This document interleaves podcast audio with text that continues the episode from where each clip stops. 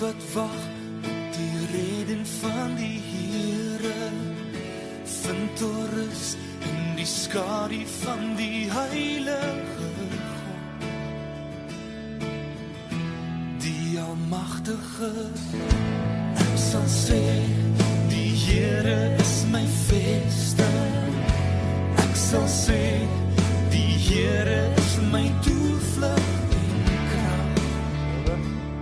gemeente.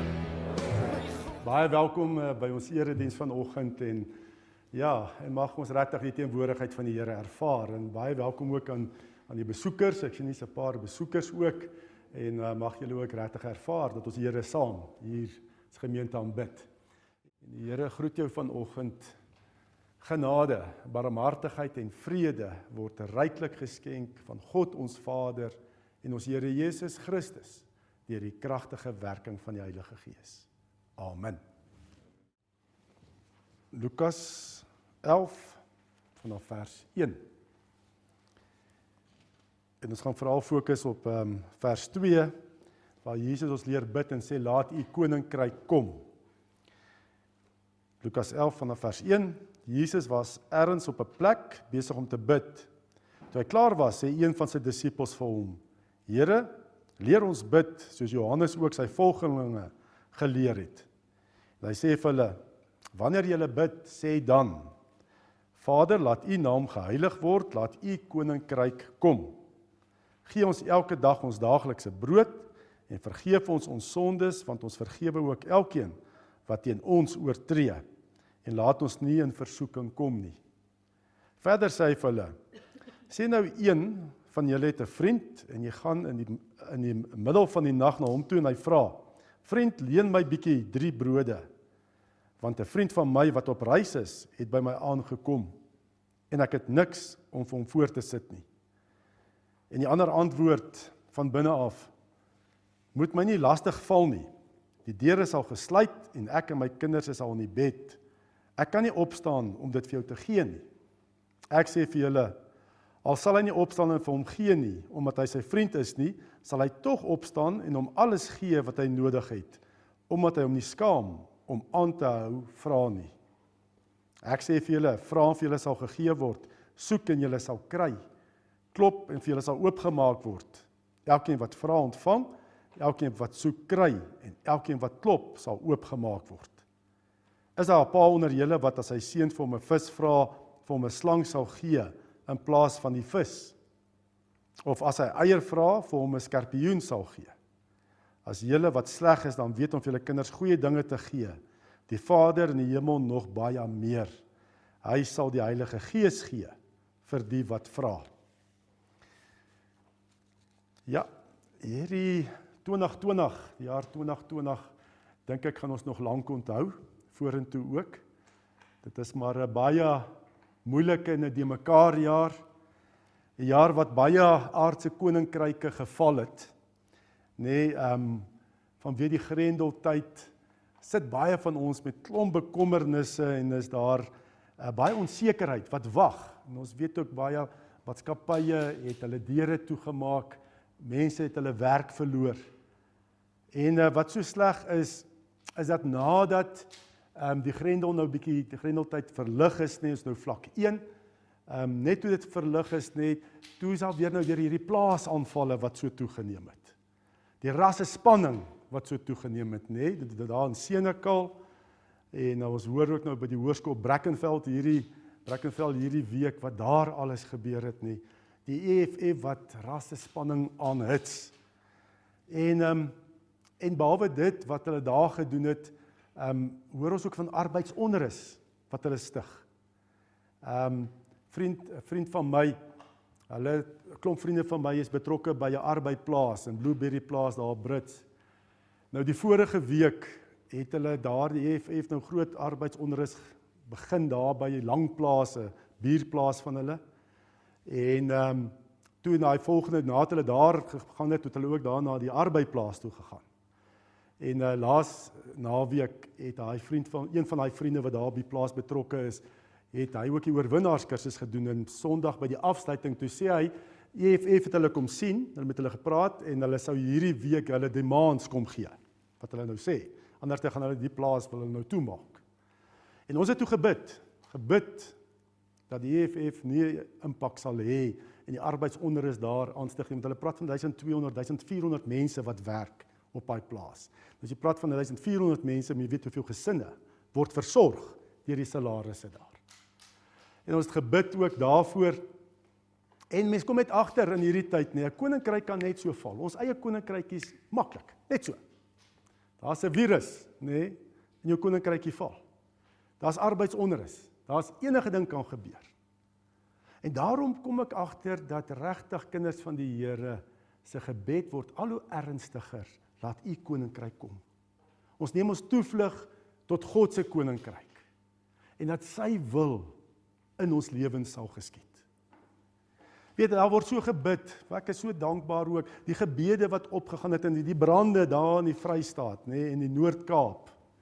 Ehm um, daar's gebid oral reg hier dan in die wonderlike reaksie wat gekom het. God se koninkryk wat mense eintlik in werking gesien het. Nee.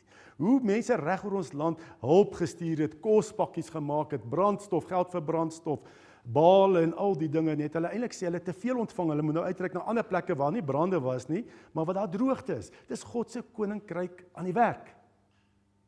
Ons het gebid ook, so ek sê laas Sondag, um, spesifiek vir hierdie vriend van my, ehm um, dat hulle met die EFF sal praat, nê, nee, en dat hulle dryfstaar sal wegloop, nê. Nee. En hulle het hierdie week gekom, hy rapport hy laat weet my met 'n WhatsApp stemboodskap. Hy sê hulle het gekom, hulle demands gestel, gesê hulle gaan dit nie doen nie, nê, nee, en hulle het nie weer teruggekom nie vir die res van die week nie. God se koninkryk, sy regering. Dis ons enigste toevlug in hierdie lewe. As jy 'n koninkrykie bou, hy val maklik. Daar in Amerika, die presidentsverkiesing ook. OK, ek ek weet nou nie of Trump gewen of verloor het nie. Klink my hy het verloor, maar lyk like my hy glo hy het nog gewen. Mens weet nie.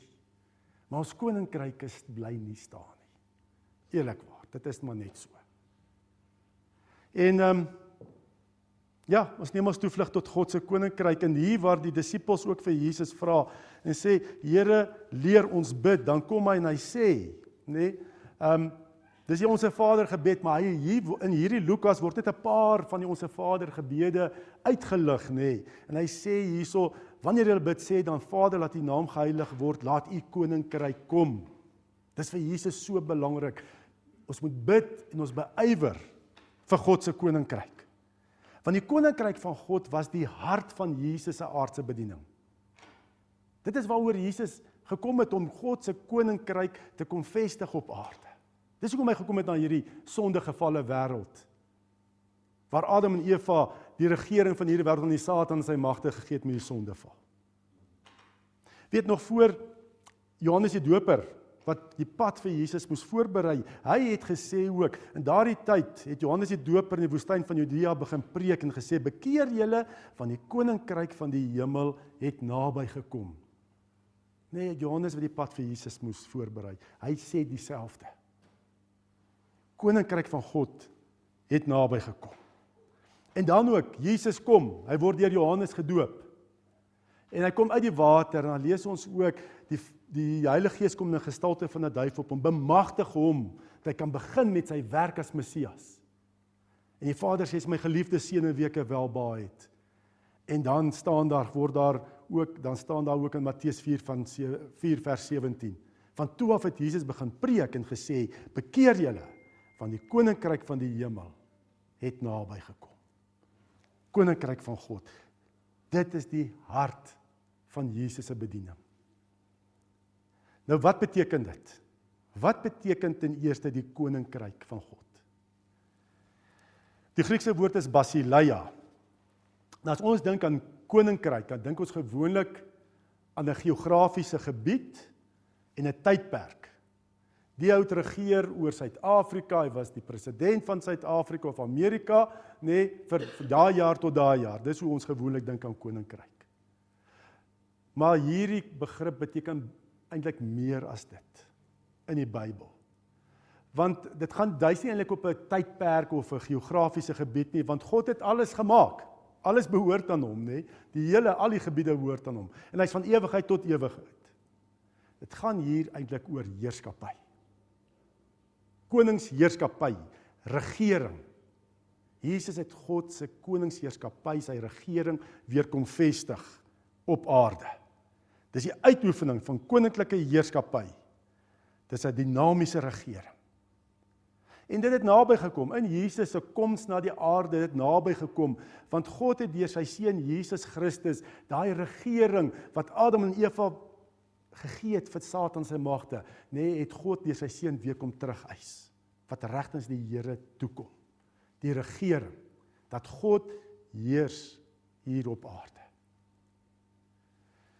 Maar hierdie naby, dat die koninkryk naby gekom het, wys en ek het al 'n vorige keer daarop gewys, dit wys dat die reeds en die nog nie van die koninkryk van God. God se koninkryk is al reeds hier op aarde en breek elke nou en dan deur in hierdie sondige wêreld, maar God se koninkryk is nog nie volmaak hier op aarde nie. Dit gaan eers volmaak wees wanneer Jesus weer terugkom en die wêreld finaal kom oordeel. Dan gaan sy God se koninkryk finaal wees, volmaak op aarde. Maar met Jesus se eerste koms het die koninkryk naby gekom.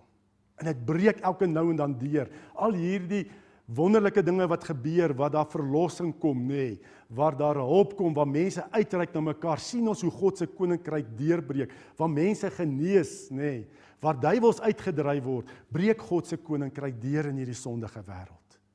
Maar ons weet ook die sonde is nog steeds hier. Alle siektes word nie genees nie. Party mense loop nog steeds absoluut gedemoniseer, mislei deur die duiwel. Nee, dit is nie volmaak hier nie. Eers wanneer Jesus weer gaan terugkom, gaan God se koningskap, sy koninkryk in sy volle heerlikheid, in sy volmaaktheid hier op aarde gevestig wees. En daar gaan geen sonde meer wees nie. Daar gaan geen siektes meer wees nie. Alles gaan genees en herstel. So dit met Christus Jesus kom is die koninkryk al reeds hier, maar nog nie in sy volmaaktheid nie. Ehm um, ja. En hoe het Jesus, hoe het hy dit gedoen? Hoe het hy God se koninkryk kom gebring? Laat hy naby kom hier op aarde, kom vestig op aarde. Ons sien dit hoe Jesus met gesag geleer het. Nee, hy het met gesag onderrig gegee oor die koninkryk. En dan het hy die koninkryk, God se heerskappy ook gedemonstreer. Hoe het hy gedemonstreer? Deur duiwels uit te dryf, deur mense gesond te maak. Samevatting wat Matteus gee van Jesus se bediening. Matteus 4 vers 23. Hy het toe in die hele Galilea rondgegaan en mense in hulle sinagoges geleer, die evangelie van die koninkryk verkondig en elke soort siekte en kwaal onder die volk gesond gemaak. Net dit is hoe Jesus ook die koninkryk kom vestig het op aarde. Hy het geleer, maar hy het ook gedoen. Hy het ook gedemonstreer. Bose geeste uitgedryf. Siektes genees. Wonderwerke wat plaasgevind het. En die grootste deurbraak van die koninkryk van God in hierdie lewe was natuurlik aan die kruis, nê? Nee, dit wat ons hierdie laaste lied wat ons gesing het in Christ alone. Nê? Nee, en hoe hy voluit God was in 'n baba. Maar hoe hy die oorwinning behaal het. Toe hy gesterf het vir ons sondes aan die kruis en opgestaan het, nê. Nee. Hy het die dood, die sonde oorwin. Hy het Satan en sy magte oorwin. Dat hy op die einde kon sê, voor net voor sy hemelvaart, aan my is alle mag gegee in die hemel en op die aarde. Hier is die koningskap, koningsheerskappy, die regering weer kom terugvat uit die bose se hande. En ehm um, ja, so ek sê met die wederkoms gaan die koninkryk nie net naby wees nie, gaan volmaak hier wees. Dan gaan daar geen siektes, geen sonde meer wees nie. Maar dit is ook in hierdie tyd ook dat ehm um, dat dat dat God ons wil gebruik, nê, nee, dat hy vir ons sê bid, dat my koninkryk kom. En wat ons nie net moet bid nie, maar moet meewerk dat sy koninkryk kan deurbreek hier op aarde. Dat ons ook met gesag God se koningsheerskappy sal verkondig aan die nasies en dit ook sal demonstreer. Nie net praat nie, maar dit ook sal wys. En hy het van die disippels geleer. Hy het vir hulle geleer hoe om dit te doen. Ons lees daarvan in Matteus 10 vers 1 5 7 en 8 so 'n paar verse wat net uitlig, nê. Sê hy ook vir sy disippels, ehm um, Jesus het sy 12 disippels nader geroep en hulle mag gegee om onrein geeste uit te dryf en om elke soort siekte en kwaal gesond te maak. Jesus het hierdie 12 uitgestuur en die volgende opdrag aan hulle gegee. Gaan verkondig, die koninkryk van die hemel het naby gekom. Maak siekes gesond, wek dooies op, reinig melaatses en dryf bose geeste uit. Julle het verniet ontvang, gee dit ook verniet. Dit is die opdrag wat hy gee aan sy kerk hier op aarde. En toe hy by hulle was, het hy hulle nader en hulle die mag gegee. Maar ons weet Jesus na sy opstanding sy hemelvaart, hy het liggaamlik weggegaan van sy disippels af. Maar hy sê elke keer ek los julle as nie as weeskinders agter nie. Wat sê hy vir sy disippels? Handelinge 1. Hy sê wag hier in Jerusalem want julle gaan met krag toegerus word as ek nou liggaamlik weggaan. Wag op die gawe van die Heilige Gees. En dan Handelinge 1 dan vaar Jesus op nê nee, hemel toe sy troonbestuiging want as jy al die mag in die hemel op die aarde is die beste plek om te regeer oor die ganse skepping is nie daar in Jerusalem nie. Nee ons weet die hele alles baie groot is in die hemel aan die Vader se regterhand. Hy het sy troon bestyg. En dan kom Pinkster, Handelinge 2 en hy stuur sy gees wat ons met krag toerus om hierdie werke van hom dat die koninkryk van God naby kom het voor te sit. Nee, met Pinkster ontvang die disippels, ontvang hulle die Heilige Gees, kom in tonge van vuur op hulle nê nee, en dan gebeur die dinge. Waar hulle uit weggekruip het, nê, nee, die bo vertrek. Skielik staan Petrus op en met vrymoedigheid verkondig. Hulle praat eintlik hulle hulle het eintlik die koninkryk verkondig in alle tale wat daar bymekaar was, nê? Nee? Handelinge 2 met Pinkster het in ander tale gepraat. En hulle verkondig die koninkryk het naby gekom. Vertel dit. En dan demonstreer hulle dit ook. Handelinge 4 lees ons net dat hierdie Joodse geestelike leiers, die teoloë van daardie tyd, was verbaas. Hulle sê maar hier is eenvoudige mense. Hulle is maar vissermanne en sulke Waar kry hulle hierdie insig vandaan? Want dis die Heilige Gees wat hulle bemagtig, hulle daai vrymoedigheid gee. Dan lees ons selfs in Handelinge 5. Handelinge 5 staan daar, hoor boekie, hulle het nie net gepreek nie. Handelinge 5 vanaf vers 12. Deur die apostels het daar baie tekens en wonders onder die volk plaasgevind en al die gelowiges het gereeld saamgekom in die pilaargang van Salomo maar van die ander mense het niemand dit gewag om hulle aan te sluit nie al het die volk hulle hoog geag. Tog is baie mense wat in die Here geglo het, mans sowel as vrouens al al gaande by hulle getal gevoeg. Die mense het self siekes op straat uitgedra en hulle daarop draagbare en beddens neergesit sodat as Petrus daar verbygaan, al is dit maar net sy skade weer op party van hulle kon val. Daar het ook baie mense van dorpe en omgewing van Jerusalem af gekom en siekes gebring om mense wat onder bose geeste gelei het, hulle is almal gesond gemaak. Wow. Die siekes dra hulle op straat uit dat Petrus het sy skade weer daaroor gaan en hulle genees. Ons moet hierdie werk voortsit hier op aarde.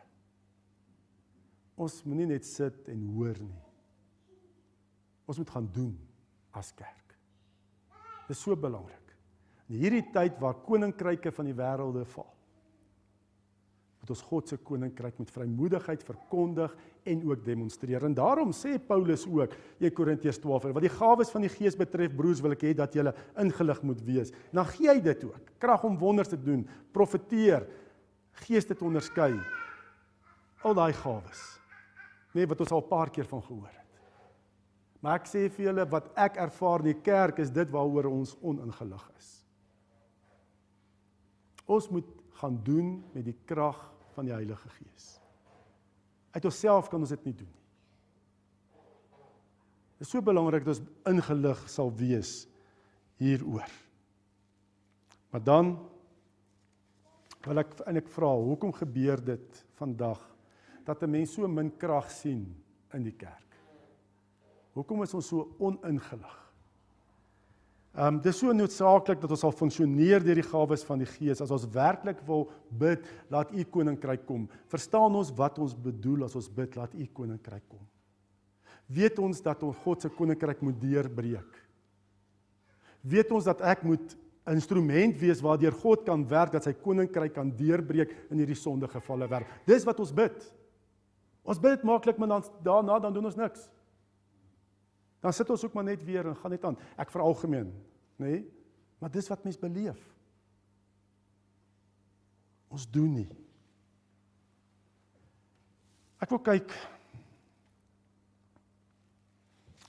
paar redes gee wat ek voel hoekom die kerk so passief is om te doen. En dat ons net hoor. Ek die westerse kerk veral, nê, nee, fokus veral op net op kennis van God. Ons fokus om net kennis op te doen van God. En dan dink ons daai kennis, hoe meer ek van die Here weet, hoe meer gaan dit my lewe verander, hoe meer gaan ek doen, maar dit gebeur nie. Kennis alleen verander nie jou lewe nie. Kennis laat jou nie doen nie. Ek onthou op skool, ek het baie dinge geleer van verskillende vakke, maar ek het nie eintlik gaan doen nie. Baie goed ek kon eksamen skryf daaroor, maar ek het nie gaan doen nie. Nee, die kerk is meer as net skool. Dis kennis om te gaan doen. Daar's 'n 'n wetenskaplike metode hoe om die skrif te verklaar wat ons gebruik, nê, nee, die teoloog gebruik en nee, ek dink dit is 'n baie goeie metode, nê. Nee. Ons noem dit die grammaties historiese eksegese. En dan gebruik hierdie wetenskaplike metode gebruik die geskiedenis, die taalkunde, die historiese teologie om te ontdek wat sê die skrif, wat het die skrif gesê vir die eerste hoorders, dat ons die skrif kan verklaar. Wat het dit bedoel vir die eerste hoorders sodat ons kan ook hoor wat God vir ons sê. En ek dink is goed. Dis 'n baie goeie metode. Maar om net te hoor wat God gesê het vir die eerste hoorders en vir ons sê, laat jou nog nie doen nie. Dit is die probleem. Ons sit baie keer en ek het al baie hierdie voorbeeld gebruik met 'n Karimora geloof. Nee, it's not inside, it's on top. Dis maar net kennis. Geloof bely ons tog ook in ons belydenisskrifte is kennis en vertroue om dan op grond van hierdie kennis en vertroue te gaan doen jou lewe te verander. En dis waarby ons moet uitkom om te gaan doen. Ehm um, baie mense sê, hoor hierop, um, hulle praat nie oor hulle geloof nie. Praat nie oor hulle verhouding met die Here nie. Nee, hulle het al honderde preke gehoor, maar hulle sê my geloof is 'n persoonlike saak. As dit so is, nê, nee, dan kom ons nog nie by gehoorsaamheid uit nie. As dit net vir jou 'n persoonlike saak is. Ons moet gaan doen. Ehm um, en die groot probleem ook van hierdie want Jesus, as ons kyk na Jesus se voorbeeld hoe hy disippels gemaak het, hy was baie meer doen georiënteerd. Hy het die rabbynse manier gehad van disippelskap. En wat is die rabbynse manier? Dis om te leer van God se koninkryk, dit te wys vir sy volgelinge, te demonstreer en hulle dan uit te stuur om te gaan doen en dan weer terug te rapporteer aan hom en hy kan hulle dan verder help as hulle sê dit het gebeur dit nou nie gebeur nie dan kan hulle verder leiding gee. Partykeer gevra, Here, hoekom hoekom toe ons gebid het is daai demone nie uit nie? Hoekom toe u bid dan leer hy hulle? maar dit is leer wys stuur terugrapporteer. En dis wat in die kerk ook moet gebeur. Maar as ons net fokus op hierdie ehm um, wetenskaplike metode om die skrif uit te lê, nee, kan dit baie die die die Christelike geloof kan 'n baie intellektuele geloof raak. Net die intellektuele intellektualisering van die Christelike geloof. Dit gaan net oor my kennis. Ek vertrou meer op hierdie wetenskaplike metode om die skrif te verklaar as op die Heilige Gees. Op die Heilige Gees om vir my dit oop te maak en my uit te stuur met sy krag. Ons moet oppas daarvoor. Ehm um, Jesus se lering was gewees dat die disippels God se stem kon hoor en op die einde ook te gaan doen. En uh ja, ons ons sien dit baie keer ook met die Heilige Gees bemagtiging seminar. Het Celeste al vir my gesê dat baie mense duins weg van daai seminaar as hulle hoor ons gaan die Saterdagmiddag uit om vir mense op straat te gaan bid, te bid vir genesing en bevryding. Baie mense duins terug en wil dit dan nie doen nie. En op sulke seminare ook al ervaar mense in die in die seminaar wat sê hoor jy, moet net nie vir my vra om vir iemand te bid op straat nie. Ek die duidelikste voorbeeld wat ek het wat ek vir julle kan noem is in Sekunda het ons ook 'n Heilige Gees seminaar aangebied. En daar's 'n baie slim oom gewees op die seminaar. Hy het 'n doktorsgraad. En hy het vir my die Saterdag sê, "Dominee, as jy uitgaan of jy mense op straat te bedien en gaan bid, ehm um, ek sal die skottelgoed was. Dan kan jy lekker rustig daar gaan bid en nie worry as jy terugkom, as jy kom by skoon, dat ek die skottelgoed gewas, alles is reg. Ek weet nie eers of hy dit by die huis doen nie. Nee, maar hy was bereid gewees om ons almal se skottel, want ons na middagete het ons uitgegaan. Hy sal ons hy sal die skottelgoed was. Ek sê toe vir oom kom net saam. Jy hoef nie te bid nie. Kyk net wat ons doen. Beleef net wat ons doen. En hy het nogal saam by toe gegaan. En weet jy ons daar begin met die mense praat, het hy die gesprekke begin oorneem. So oorgeneem dat ek vir hom sê bid en hy het sommer net outomaties, dit was so organies gevloei, het hy sommer daar vir daai mense gebid. Hy het selfs afsprake met hulle gemaak vir die volgende week om hulle weer te kom sien. Toe kom ek agter, hierdie oom het al baie gehoor maar hy het net nooit geleentheid gehad om te sien hoe om prakties te doen en homself te doen nie. Toe hy geleentheid kry, toe is dit so natuurlik. Sy so bemagtig deur die Gees. En dit was hom natuurlik. Hy het so lekker gesels met mense en vir hulle gebid. Vreemdes op straat, ouens daar van Malawi en verskillende plekke af, het hy voorgebid. Demonstreer ons. Gaan doen ons Want intellek verander nie jou lewe nie. Dis belangrik. Dis baie belangrik om te weet wie God is en wat die waarheid is. Jesus sê ook jy gaan die waarheid in my ken Johannes 8 en die waarheid sal jou vrymaak. Maar is hier geleentheid in die kerk om te wys hoe en dan ook geleentheid te gee om te doen en dan ook terugrapporteer. En dat ons kan leer by mekaar.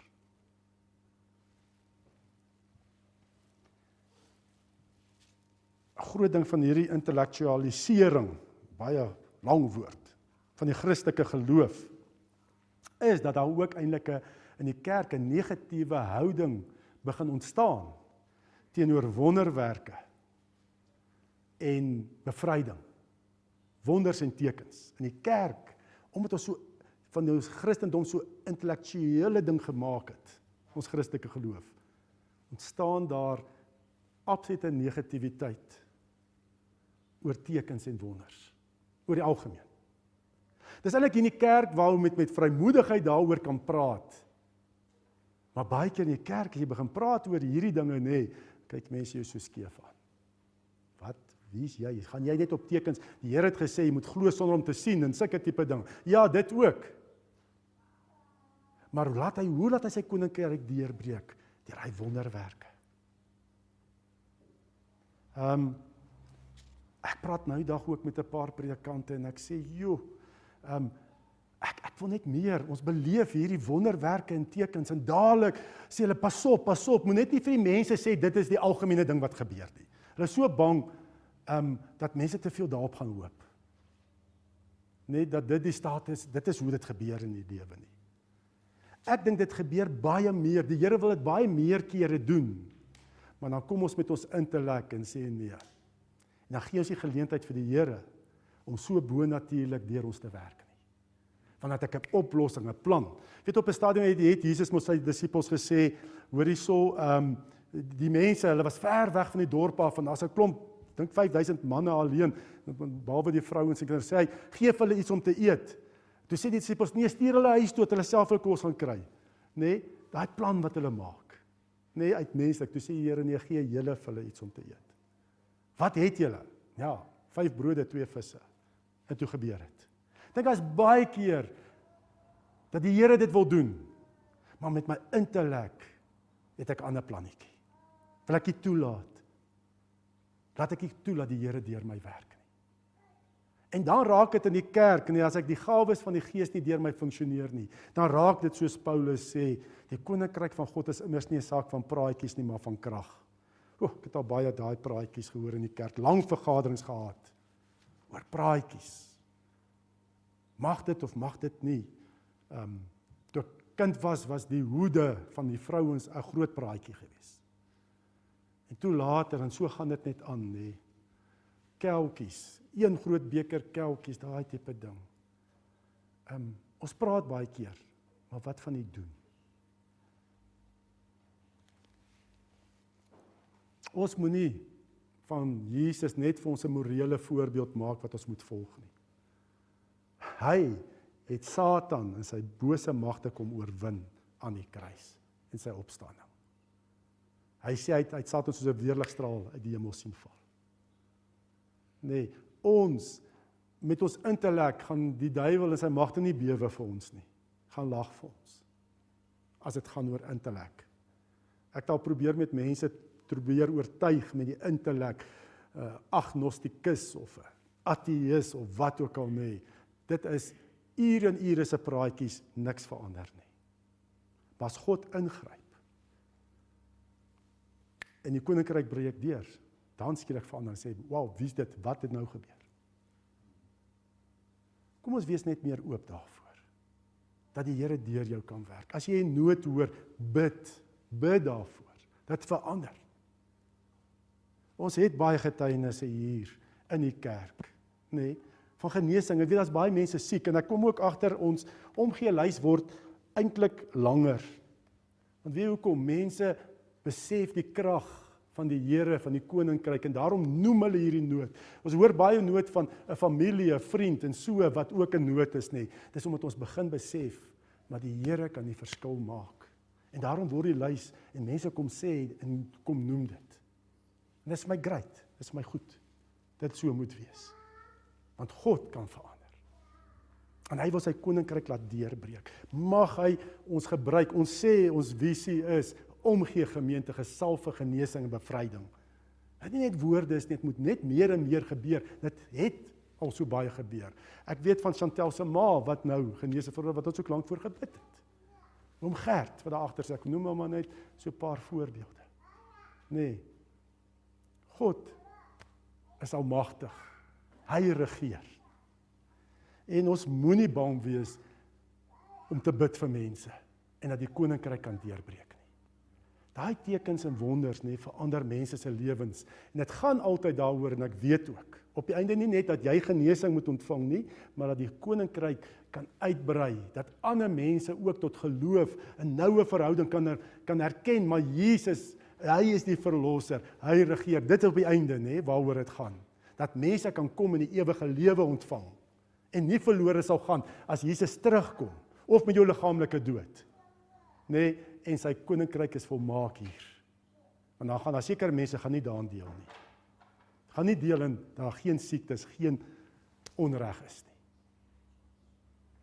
Ek was so so dankbaar ook. Soos ek het genoem van die vriend van my wat ook laas naweek oorwinnaars gedoen het. Hy en sy verloofde. Ehm um, uh hierdie naweek wat kom is die huweliksseminaar. En dit is hulle werk se se afskeid, jy weet, is 'n eindjaar funksie. En hy het eers gewonder wat nou hoe, want hulle wil 'n huweliksseminaar doen dat ek hulle volgende jaar kan trou. En so, maar toe praat ons miskien aanlyn die Vrydag nê. Nee, hy en sy verloofde het na die naweek besluit. Hy het gesê, "Verskoon my by die by die afskeidfunksie, hy en sy verloofde kom." Wonderlik. Ek ek sê dankie Here. Dankie. Ook. En dit is wat ons moet doen, hè. Dit is om ander mense te gaan bereik. En sê kom, kom hoor van God se koninkryk. Kom hoor van sy liefde. Kom hoor van sy verlossing. En ehm um, weekliks, ek kan maar net vir julle sê die afgelope tyd weekliks kom mense vir bevryding hier saam met my en Celeste. Weekliks mense van ander kulture, mense van ja, van ander plekke af. Kom en jy kon sien hoe maak die Here die mense vry. Beleef dit net meer en meer. Ek sê net dankie Here. Dankie daarvoor. Kom ons bid saam. Here ons ons kom en sê laat u koninkryk kom en ons wil dit nie net woorde dit noem nie. Kom leer U vir ons, Here. Dat ons ook sal uitgaan en met die krag van die Heilige Gees U koninkryk bedien aan 'n wêreld wat vasgevang is in die sonde, in die duisternis en wat wat absoluut um, roep na verlossing. Gee dat ons as kerk Here nie meer um, net passief sal luister nie en net um, kennis sal opdoen nie. U Here Jesus het na 3 jaar u disippels toegerus om die wêreld te verander. En Here, baie van ons is al langer as 3 jaar gelowiges in die kerk. Gee Here dat ons ook sal uitgaan met die gawes van die Gees en verkondig u koninkryk het naby gekom en dit ook gaan demonstreer vir die wêreld. Dat ons nie meer bang sal wees nie. En ons sê dankie Here ook dat ons vandag ook nog hier in die gemeente 'n klompie getuienisse het van hoe u koninkryk deurgebreek het in hierdie sondegevalle wêreld. Dinge kom genees en herstel het. Dankie vir wat u Here vir Treysi gedoen het. Here, dankie Here dat sy 'n kosbare geskenk in u hande is vir 'n wêreld wat verlore gaan, vir vriende, familie dalk wat verlore gaan. Dat u haar gebruik om u liefde aan hulle te wys en deur die liefde te trek in u koninkryk. Gebruik so almal van ons. En ons vra dit alles in Jesus se kosbare naam. Amen. Ontvang die seën van die Here en gaan leef in oorwinning. Die genade van ons Here Jesus Christus en die liefde van God die Vader en die gemeenskap van die Heilige Gees sal by ons elkeen wees en bly. Amen. sal sê